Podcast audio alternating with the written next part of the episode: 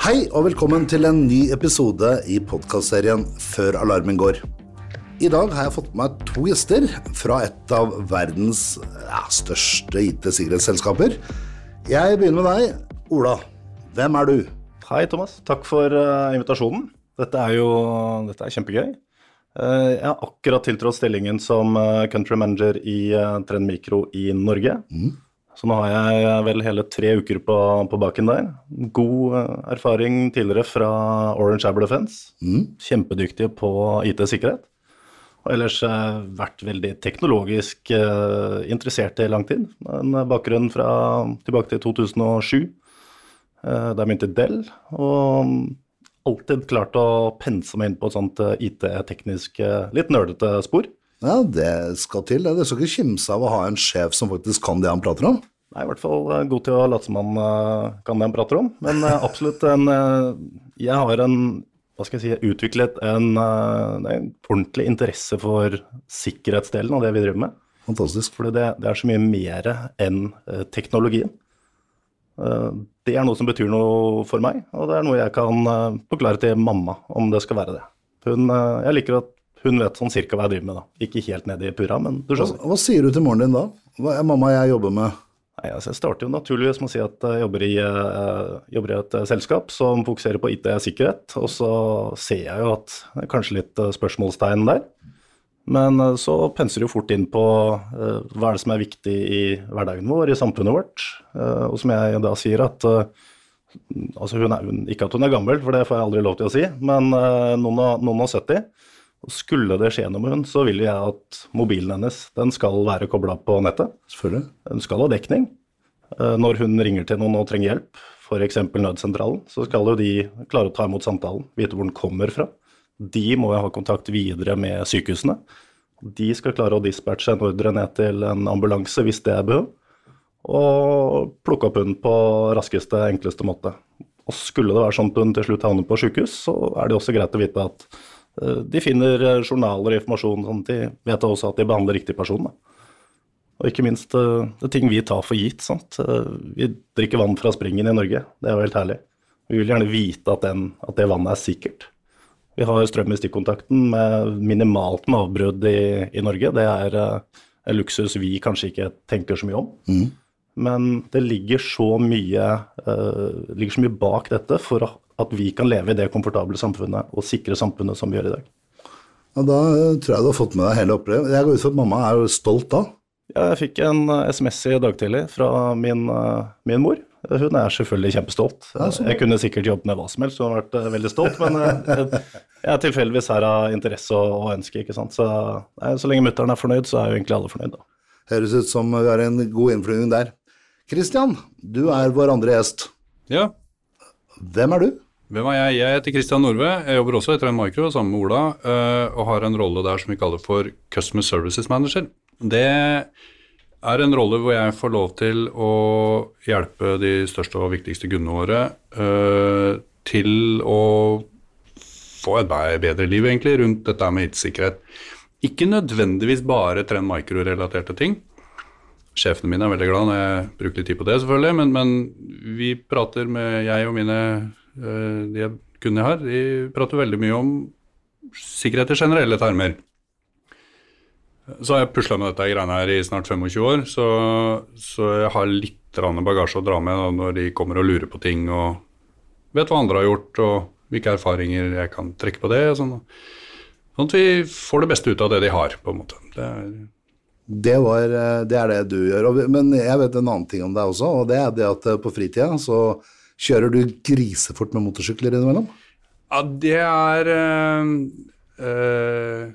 det, er nok, det, er litt, for, det, det, er nok, litt, foreldret uh, informasjon, ja. uh, men jeg gjorde det. Jeg drev og, og kjørte roadracing for noen år tilbake. Uh, så fikk jeg for så vidt et spørsmål om den gang. Hvordan er det forenlig med å drive med sikkerhet? Liksom? Ja, det var det jeg skulle inn på. eh, og da fikk jeg litt hjelp av en kollega, for jeg ble litt perpleks av spørsmålet. Så sier han eh, racing dreier, jo, dreier, seg jo ikke om å ta risk, det dreier seg om å eh, manage risk. Eh, Det syns jeg var så godt sagt, så det har jeg sterkt på eh, hver gang det spørsmålet kommer opp. Men da, bare for å bryte kjapt inn, da, da skjønner jeg hvorfor den samtalen til meg før vi kom hit til den podkasten med at du, Lauten, det er en uh, LAS-kontroll nede i gata. Takk, Kristian. Christian. For det var det, og jeg måtte ringe til Ola. Uh, Men det gikk bra, da. Jeg har ikke fått uh, lapp. Eh, Jeg kom fra andre siden, og det sto ti biler der, så det er mange som kjører fort ned Ulandsgata. Altså. Ja, Men over til noe helt annet. Eh, dere i Trend dere kommer hvert år ut med flere rapporter. Og det er jo noe som er veldig bra, at dere faktisk gjør en, rapport, altså gjør en research på hva samfunnet ser, hva samfunnet er opptatt av. Og en av disse som akkurat ble publisert, jeg leste den nylig, og her har dere tatt frem dette med SMB-virksomheter, at de er spesielt sårbare. Hvem har lyst til å begynne å, å, å fortelle meg hvorfor? Før vi drar dit, så har jeg litt lyst til å si For det, det her er jo sånne ting som, som Ola og jeg um, er litt glad i med Trend Micro. Begge to er relativt nye i selskapet, men, men det her er jo et selskap som er utrolig glad i å dele den, det vi vet. Eh, bruker mye krutt på det, fordi at vi ser at det er, egentlig- det er egentlig nok jobb til alle. Uh, derfor kommer vi med alle disse rapportene. Det er ikke for å uh, skryte oss sjøl opp i, på rosa skyer, men, men det er et hederlig forsøk på å dele informasjon eh, som, Gjøre- folk, som folk kan bruke til noe, som folk kan skjønne noe av og, og bli bedre av. Det er en del av opplysningsarbeid, med andre ord. Kort og godt. Ja. Eh, vi er så heldige at vi sitter på mye grunndata, så hvis vi strukturerer dette her, så kan vi få det ut og, og få noen bra rapporter av det, som vi ærlig og friktig tror at folk kan ha glede av å lese. Så til SMB. Uh, vi ser jo igjen, da, det er nok til alle her når vi snakker om IT-sikkerhet. Det er, et forferdelig busy marked, om man kan kalle det det, eh, på begge sider av, av Loven. ja, både de som skal beskytte og de vi beskytter oss mot. og så ser vi jo at SMB, og vi kommer sikkert litt tilbake igjen til hva er det, men vi ser jo at SMB-bedriftene kanskje er litt spesielt utsatt fordi de er mindre. Eh, følgelig har de litt mindre ressurser, både i form av folk og penger å investere. Eh, og det gjør jo at en sånn type organisasjon eller en sånn type virksomhet kanskje skal eh, behandles litt annerledes av sånne som oss og, og Athea, som du representerer. Og også at teknologien som vi kommer ut og foreslår, og løsningene og metodikken som vi til syvende og sist liksom, vi syns at du bør gjøre det sånn, den er kanskje litt annerledes for en SMB-bedrift. Eller den er ikke kanskje litt annerledes, den er og bør være annerledes for en SMB-bedrift enn den er for Helse Sør-Øst og Equinor, da, hvis du tar liksom de to virkelig store i, i Norge. Jeg, tror jeg bare skal ta så I Norge så definerer vi, leste jeg, NHO, virksomheter under 100 ansatte er det vi kaller SMB. Eh, hvis det går på en internasjonal EU og sånn, så er det vel 250. Hvis jeg ikke husker helt feil. Tror det stemmer. Ja, det skal være Det er spot on, tenker jeg. De har en liten omsetningsdel i tillegg på Ja. den eh, EU-definisjonen, men det stemmer det. Ja, nettopp. Har du noe å legge til Christian her, eller? Nei, Christian er eh, spot on. Eh, det som jeg ser på som veldig interessant her, er jo det at hvis vi ser på litt uh, tall og figurer, så er give or take halvparten av all verdiskapningen i Norge etter den norske SMB-definisjonen. Uh, give or take halvparten av verdiskapningen er fra SMB. Uh, det er utrolig mange virksomheter. Vi har vel en 600 000 pluss eh, virksomheter i Norge. Ganske mange av de har ingen ansatte engang. Eh, Og vi er nede på 0,1% som er mer enn 250 ansatte, ifølge SSB. Og det er de 250 ansatte og oppover som blir ivaretatt av Ja, det er jo klart, eh, når vi, eh, når vi jobber eh, i en produsent, eller vi skal selge noe, eller vi ønsker å snakke med noen, så er det så lett, dessverre kan man si, mm. at man blar opp på hvem er de 100 største virksomhetene i Norge, og gir de all attention. Og gjerne også i Oslo-området ser vi at det er et veldig trykk. Hvis du går noen hakk under i størrelse, og gjerne også litt ut av Oslo-regionen, vet du, det er fantastisk mange selskaper der ute som eh, jeg er helt sikker på ønsker mer oppmerksomhet, hvor vi i denne bransjen, og sikkert mange andre, kan gjøre en mye bedre jobb.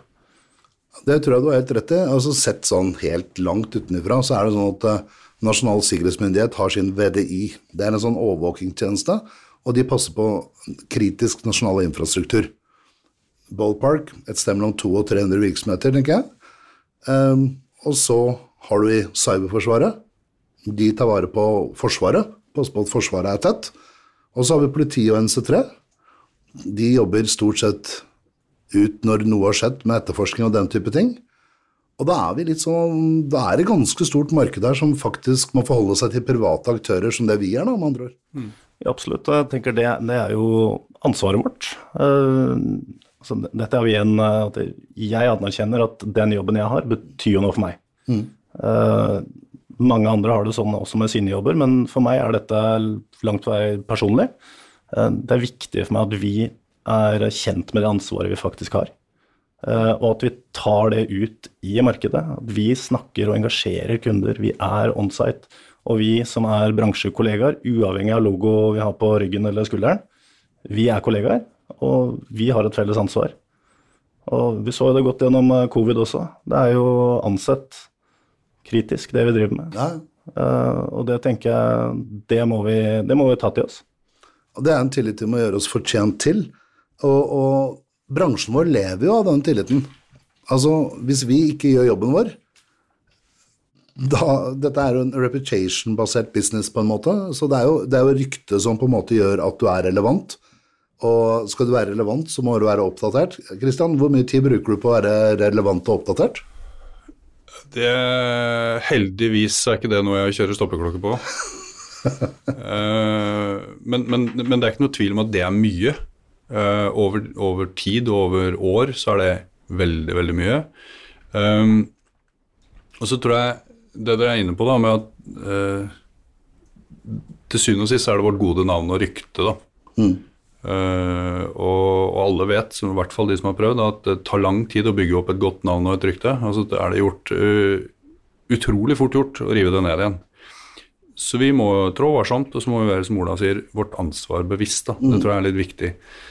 Uh, der har nok bransjen sikkert svin på skogen, og, og en historikk, ikke minst. Jeg, jeg, opplever at bransjen er blir mer moden nå, ekstremt mye mer moden nå enn, enn når jeg uh, fikk min første jobb i et IT-sikkerhetsselskap i 98.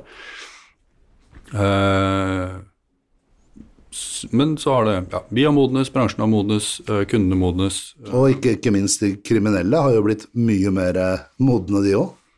Ja, det er ikke nødvendigvis noe jeg setter så stor pris på, men, men det er jo bare noe vi må forholde oss til. ja, ja, ikke minst. Ja, for alt, alt, det henger jo sammen, alt dette her. Det er jo ja. en enormt trykk. Altså, Vi snakker om verdens tredje største økonomi vi på en måte slåss mot. Ja, og, og, og det er noen tall her som jeg pleier å fleipe med når jeg prater om dette, her, at når, når tallene blir større enn inntekten din pluss gjelda di, så mister folk litt begrep om hvor mye det egentlig er. da. Mm. Og, og, når du da har sånne globale akkumulerte tall, og det er milliarder av ditt og milliarder av datt, og sånn, så, så, så, skjønner du at det er mye, men du mister litt begrep om hvor mye mye egentlig er. da. Uh, men uh, ja, det er mye, og det er et voldsomt trykk.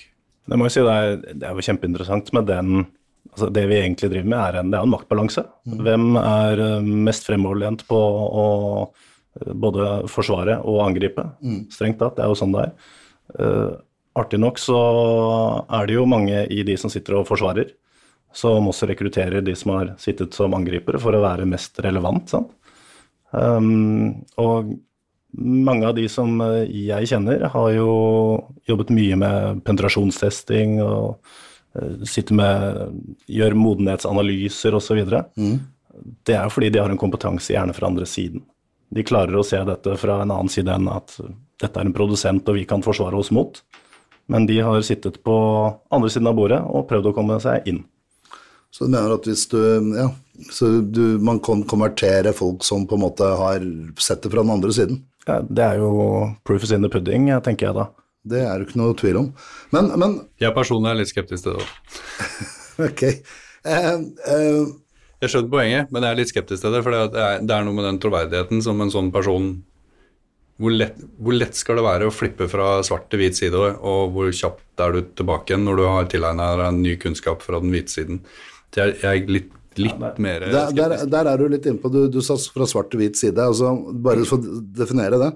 Eh, innenfor hacker, ja, skal vi si, hackerbransjen så definerer man da hvite, altså white hackers, det er de som på en måte angriper og gir beskjed om at noe kan utnyttes hos den virksomheten. Og så er det grey, som ender kanskje at de utnytter det litt selv også. Og så har du black hackere, og det er de som på en måte utfører all skumløst. Er det ikke det omtrent der? Jo, du er omtrent der, og, og de hvite, de, de, blir eh, Det har vi for en gangs skyld et brukbart godt norsk ord for, vi kaller det etiske hackere. Ja. Eh, det, eh, ja. Vi har mange kaudervelske oversettelser av fagbegreper, men etiske hackere syns jeg faktisk er et godt norsk ord. Du, når, vi, når vi er inne på dette her, eh, for jeg ser jo som Ola at eh, man kan konvertere folk i ny og ne, og ikke det at man på en måte kjenner så mange av det, men, men det er klart at eh, hvis du er god på å komme deg inn, så, så kan det brukes på den andre siden også. Vi er i en bransje der hvor vi på en måte ser for oss kunne det vært en sivil sertifisering. Altså sånn, vi, vi, vi får jo mye informasjon. Vi er en reputation-ryktebasert bransje. Altså advokater, eh, eiendomsmeglere. Altså Alle disse her de må jo ha typisk en form for En konsesjon, eh, Helt klart. det er jo egentlig det. Ikke sant? Burde det vært innført en konsesjon for å få lov å jobbe med IT-sikkerhet? Altså, Bare du kan stave sikkerhet og IT, så kan du jo på en måte påberope deg å kunne noe. Eller jeg, altså jeg, er- helt enig. Eh, ikke minst prøv å sette deg i våre kunders eh, ståsted.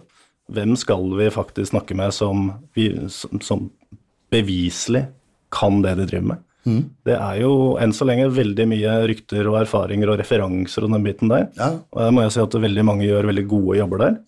Men eh, en, kall det en konsesjon eller en, ja, et bevis på at vet du hva, dette har vi kontroll på, sånn og slik. Vi er på vei på mange måter. Det er ISO-standarder, det er metodikker og rammeverk. Men det er et stykke igjen. Ja, det er et stykke igjen. Vi er mangler den overordna, Christian. Ja, vi har vel så vidt begynt i Norge, da, med Ja. at uh, NSM har uh,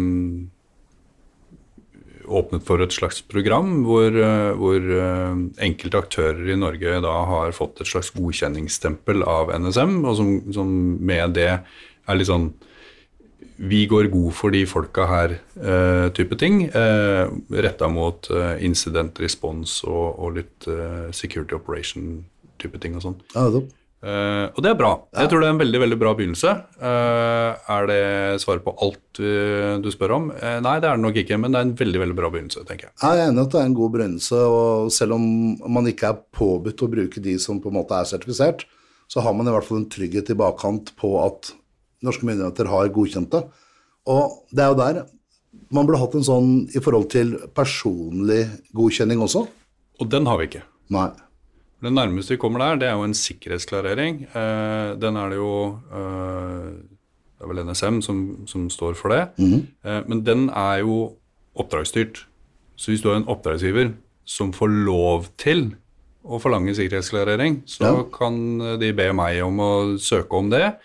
Eh, Da må man vel være en del av kritisk nasjonal infrastruktur for å få tilgang til å søke. ja, det er noen navngitte organisasjoner som, som har lov til å stille sånne krav. Ja, Forsvaret, eh, Statsministerens kontor, Ja. Forsvarsdepartementet, UD. Noen sånne har det. nettopp.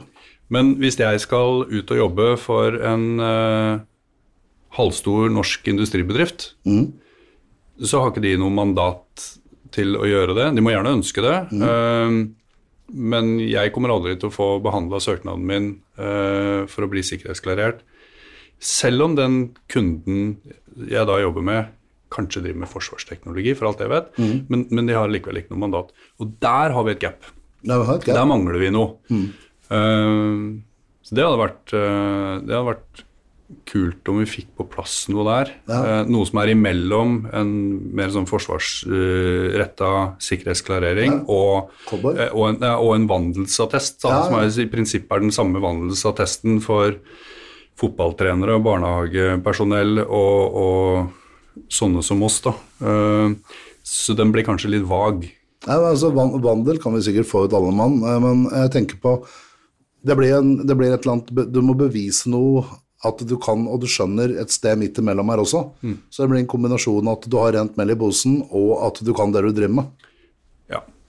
Og det De som har ettergått meg, har ingen Basert på det de har funnet ut, har ingen grunn til å tro at jeg er en kjeltring, eller at jeg har uh, noe snusk på gang. Det er vel litt det vi ønsker å få til. Da. Men det finnes jo et selskap, eh, mener jeg, som uh, av gamle offentlige som har trådd sammen og dannet det som heter Expol, Ja. som leverer denne type tjenester på bestilling fra virksomheter som vil kanskje sjekke ut når de skal ha en ny daglig leder og en del sånne ting, er det ikke det? Jo, jeg er litt usikker på hvor langt de har kommet, men jeg vet at jeg har, Expol har, har jobba med et sånt eh, type prosjekt eh, en tid. Um, jeg var litt involvert i det i et tidlig fase av det. Jeg syntes det var utrolig kult. Uh, for, nettopp fordi at det svarer på et sånt problem og, og et hull da, som jeg føler vi ikke har um, hatt et godt svar på på noen annen måte. Kanskje godt an å utfordre de på å være med og lage en slags uh, sertifiseringsordning, et eller annet, så vi kunne hatt rundt halsen? Ja. Jeg tenker jo den, uh, Dette er jo konstruktiv uh, dialog, konstruktive temaer. Ja. Og jeg tipper at vi, vi sitter nok ikke på fasiten alene. Nei, vi men ikke den, som alt annet her, så er det, det er god dialog. Ja. Og få den Altså få gode innspill, og at man blir enige om noe. Mm. Man klarer å komme til en standard. Da tror jeg vi er der. Ja, det I hvert fall en, en mulighet til en eh, god reise. Kristian, litt eh, replikk, eller? Nei, jeg, jeg hadde Hvis vi satte et, komma der, eller noe sånt, så har jeg litt lyst til å komme tilbake til SMB-ene dine, Thomas. Ok, For hva i all verden er en SMB-bedrift? Jeg sa det jo innledningsvis, kanskje vi kommer tilbake til det. Så var det ingen andre som gjorde det, så gjorde jeg det. eh, fordi eh, jeg har opplevd at vi som bransje setter noen lapper i hatten på kundene våre og sier du er Enterprise og du er SMB og sånn, så er det ikke nødvendigvis sånn at de kundene ser på seg selv som en SMB. Kanskje de til og med syns at eh, det er litt ufint at du kaller meg SMB. Så begynte vi jo, vi dro opp noen definisjoner som ikke vi har lagd, men som, som andre der ute har lagd, som jeg tenker i mangel noe bedre, la oss forholde oss til det. I Norge 100 ansatte. Eh, så det faktum at jeg har 100 stykker på lønningslista mi, gjør at jeg da er 99 SMB, 101, eh, da er jeg plutselig ikke SMB lenger. Men hvordan opererer norske virksomheter? Hva er disse norske virksomhetene? Eh, og hvor mange av de, når du kommer litt oppover, oppover mot de 100, da, mm. ser på seg selv som en SMB-bedrift? Jeg tror det er litt viktig at vi vi ser dere, vi skjønner dere. Og det er ikke sånn at det er noen one size Fordi vi har putta dere i sekkeposten SMB, så er det ikke en sånn one size fits all-løsning. Norge og norsk produksjonsteknologi, eller produksjonsindustri om du vil, er eh, veldig prega av det jeg på nynorsk eh, ofte omtaler som low volume high engineering. Vi har utrolig mye dyktige mennesker i det landet her som kommer på utrolig mye kule ting, og som lager bedrifter for å løse problemer for andre. Offshoreindustrien, super altså myldrer av gode eksempler på det. Eh, fiskeindustrien, samme der. Eh, miljøene rundt Kongsberg, eh, teknologiindustrien der. Fantastisk mange gode eksempler på det samme, og litt innenfor våpenindustrien, både i Kongsberg og Nammo og, og den type ting. Men de lager helt rock'n'roll kule løsninger, men det er ikke sånne ting som, som det blir lagd tusenvis av. De lager kanskje to og tre, men det er et team på 20 ingeniører som jobber med det i et år for å finne ut av hvordan vi skal lage dette her. Og så lager de tre stykker, sånn at man har den ene i produksjon og så to på hylla som reservedeler. De folka der har jeg ofte en tendens til å ikke se på seg selv som en SMB-bedrift. Det betyr også at de handler teknologi på en annen måte. De er ofte ekstremt avhengig av teknologi for å kunne få til den produksjonen. Så handler de teknologi på en litt annen måte, og så behandler de teknologi på en litt annen måte. Og jeg tror det er viktig at vi har en sånn erkjennelse av at SMB er ikke bare renholdsselskaper og håndverkere og budbilbutikker, liksom. Um, og det vi skal bringe til torgs, er da Det må, fa det må passe til håndverkere og budbilselskaper, men det må òg passe til disse her high eh, engineering, low volume-virksomhetene. Har vi egne løsninger da, som passer for den, eh, det segmentet her? Ja, det har kommet, og det har blitt veldig mye bedre. Når jeg begynte å jobbe med, når vi liksom begynte å få labela produkter og teknologier og sånt, som var, hadde en sånn lapp på som het at dette er et SMB-produkt, så hadde jeg med en følelse av at man hadde tatt et stort, fint, flott, feature-rikt produkt eller en løsning, og så hadde man liksom bare høvla det ned på høyre og venstre side. til Tatt det var bort noe av det viktige, og så hadde litt eh, bare vil si basic igjen? Ja, du høvla det ned til, fra noe som var bra, til noe som blei så dårlig at vi kunne selge det billig. Ok. Nesten så gærent. Ja, nå setter jeg på spissen, da, men jeg opplevde det nesten litt sånn. Derfra og frem til nå så opplever jeg at det har vært mye mer fokus på å lage løsninger som passer for den type bedrifter. Vi har, vel, vi har vel kanskje også gått bort ifra å selge så mye produkter og mer over til tjenester? Ja, det er jo klart en, en stor utfordring når du er en mindre bedrift, eller en SMB-bedrift, som vi snakker om nå. Um, det er klart, du har ikke 30 stykker til å bemanne en sokk. Det kan være du har 30 ansatte. That's it. Eh, Du har ikke, nødvendigvis ikke heller økonomien til å klare å betale for den sokken. Skulle du Når vi, skulle om, du 30, sant? når vi snakker om en sokk, så snakker vi om et Security Operation Center, som er, en, som, er, som er en hel hall med folk som sitter og ser på skjermer og ser om det skjer noe på virksomheten din. Exactly. Og da er det klart, hvordan skal vi i, på vår side av bordet klare å tilpasse oss til det faktiske behovet som er der? Da er det en rekke ting som, som må på plass. At vi må klare å Vi skal jo ikke skalere ned eh, nødvendigvis funksjonalitet, men vi må ha en mye større grad av automasjon, eksempelvis. Vi må ta vekk lasten fra de som skal sitte og administrere, for det er ikke, det er ikke 30 stykker der. Det er kanskje én eller to. Og det møter vi jo ofte.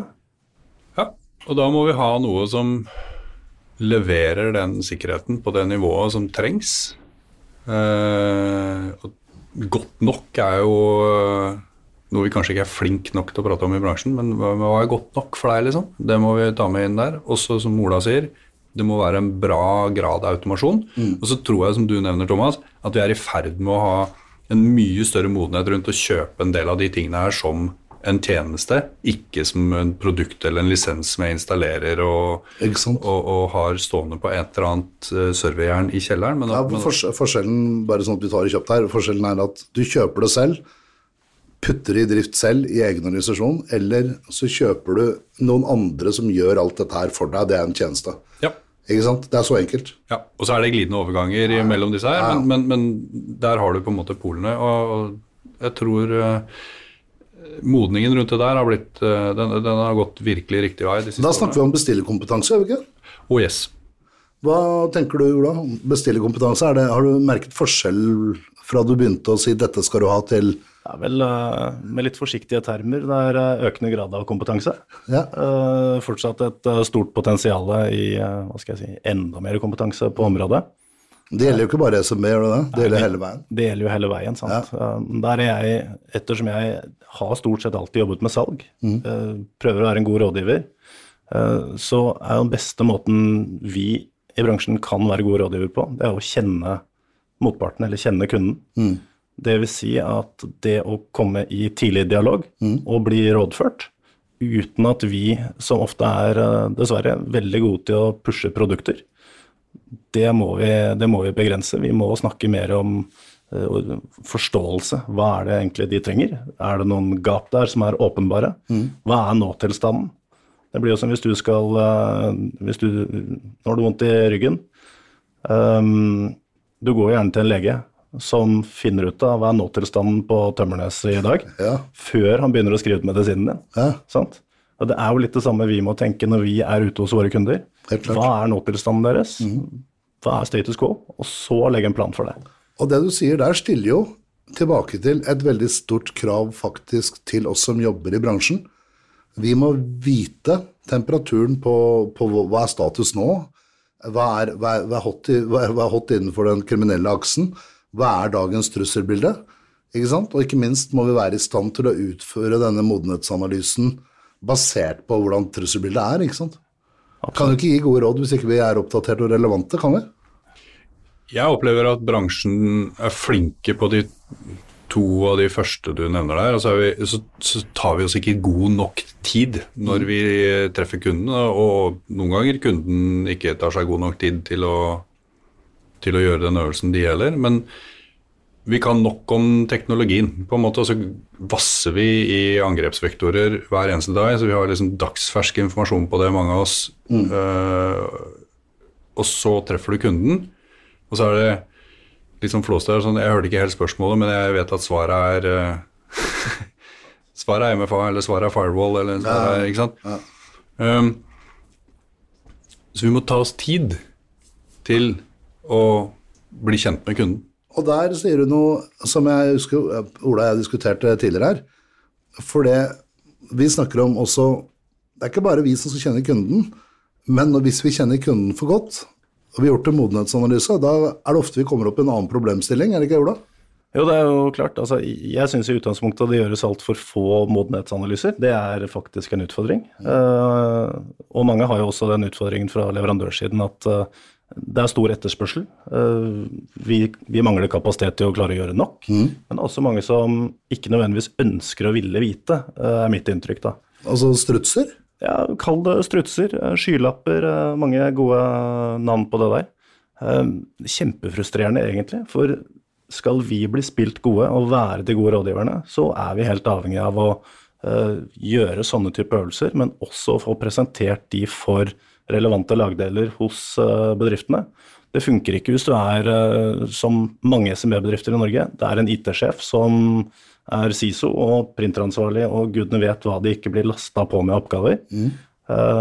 og det er klart, hvis det gjennomføres en analyse, og det kommer fram at uh, her lyser det rødt og gult og oransje på en del områder, så leveres den tilbake til IT-sjefen. Og hva er da resultatet? Han får mer å gjøre. Det er ikke sånn at han kan ansette to, tre, fire, fem stykker til for å ta unna dette her. Hva er ditt råd da? Ja, da tenker jeg da, da må du først gjennomføre den undersøkelsen, og ikke legge den i skuffen. Det er råd nummer én. Eh, den må presenteres for styret og daglig leder, sånn at eh, de blir presentert innholdet i et forståelig format. Mm. Kan ikke være teknisk og fagterminologi og forkortelser som vi, som vi er skikkelig flinke på. Forkortelser er jo helt eh, Stammespråket vårt. Det er stammespråket. Ja. Dette er, altså Vår oppgave er å klare å formidle dette i et budskap som de lagdelene forstår. Mm. Og så er det klart, da må det jo da må det gjøres en jobb for å mitigere de mest alvorlige truslene eller uh, områder man ikke har kontroll på. Og igjen, da er det ikke sånn at vi som eh, sitter som leverandør skal sitte og pushe produkter. Da må vi skissere en løsning. Om det er å gå tjenesteveien i en SMB-bedrift, ja, da gjør man det. Og da gjør det jo det der, der hvor det brenner mest, eller hvor det gjør størst forskjell. Men snudd på det, så gjør jo faktisk IT-sjefen som har bestilt denne modenhetsanalysen, styret og daglig leder en tjeneste? I aller høyeste grad. Og, og det er klart også det Eh, mange har en utfordring med, er jo økonomi. Ja. At de, det er ikke nødvendigvis sånn at de, de får kasta penger etter seg til å investere i sikkerhet. Men når det blir dokumentert og forklart på en god måte, da er det nok lettere å få aksept for å gjøre investeringer og gjøre rom til budsjettet eventuelt neste år. Men de har vel ikke lov å se bort ifra det i et helt ytterpunkt? Hvis du er i et styre og er daglig leder, du vet det er store feil og mangler, og det har blitt belyst, og du velger å ikke gjøre noe med det, da har du tatt et bevisst valg til å ikke gjøre noe med det.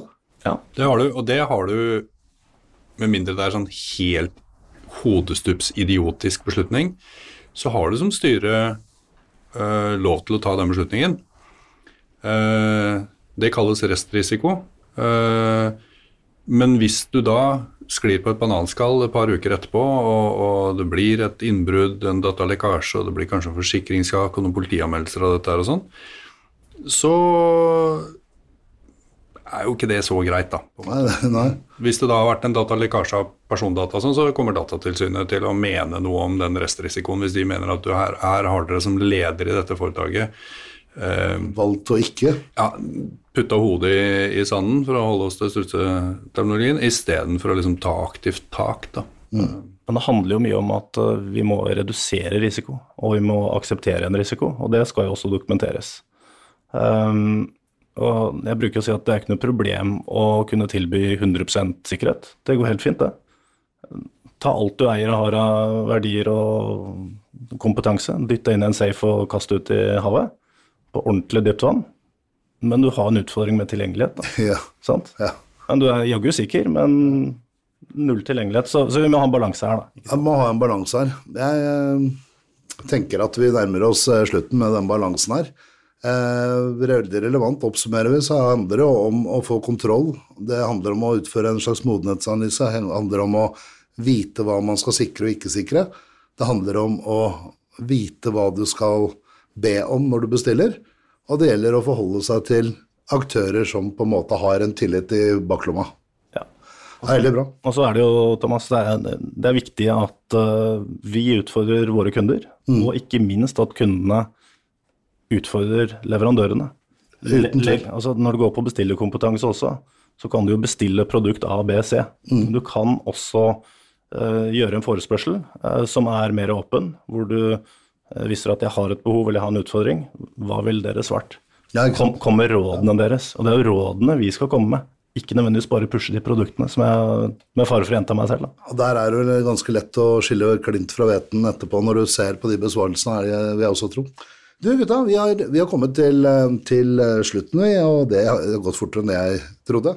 Eh, Jeg pleier å stille to spørsmål til eh, de som er eh, besøker oss i studio her.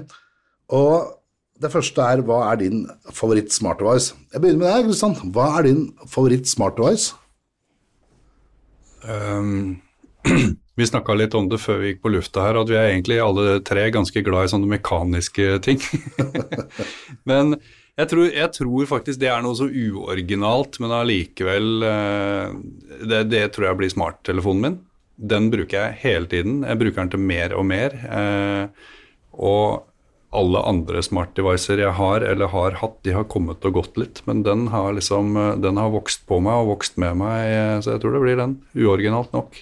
Ja, da, det, det kan jeg forstå.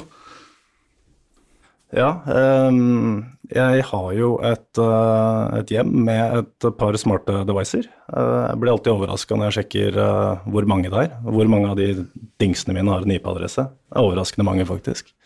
Men eh, jeg er opptatt av komfort, og er sikkert litt lat. Eh, jeg syns det er veldig deilig å kunne ligge i sofaen ja, og så kunne skru av på lyset og på med TV-en og til og med støvsuge litt. Eller låse opp en dør, for den saks skyld. Så jeg har eh, Alexa hjemme.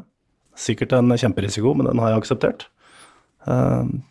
Det er mitt smart device. Alexa er din smart device. Ja, jeg føler det. det Ja, det er et, det er et godt svar. Har, ja, det er et godt svar. Du du er ikke den første som har svart uh, smarthjemmet sitt, faktisk. Jeg tror man blir veldig avhengig når man først kommer dit. Ja, du merker avhengigheten når det stopper å funke, faktisk. Det har jeg også erfart, så det er, det er også ganske artig.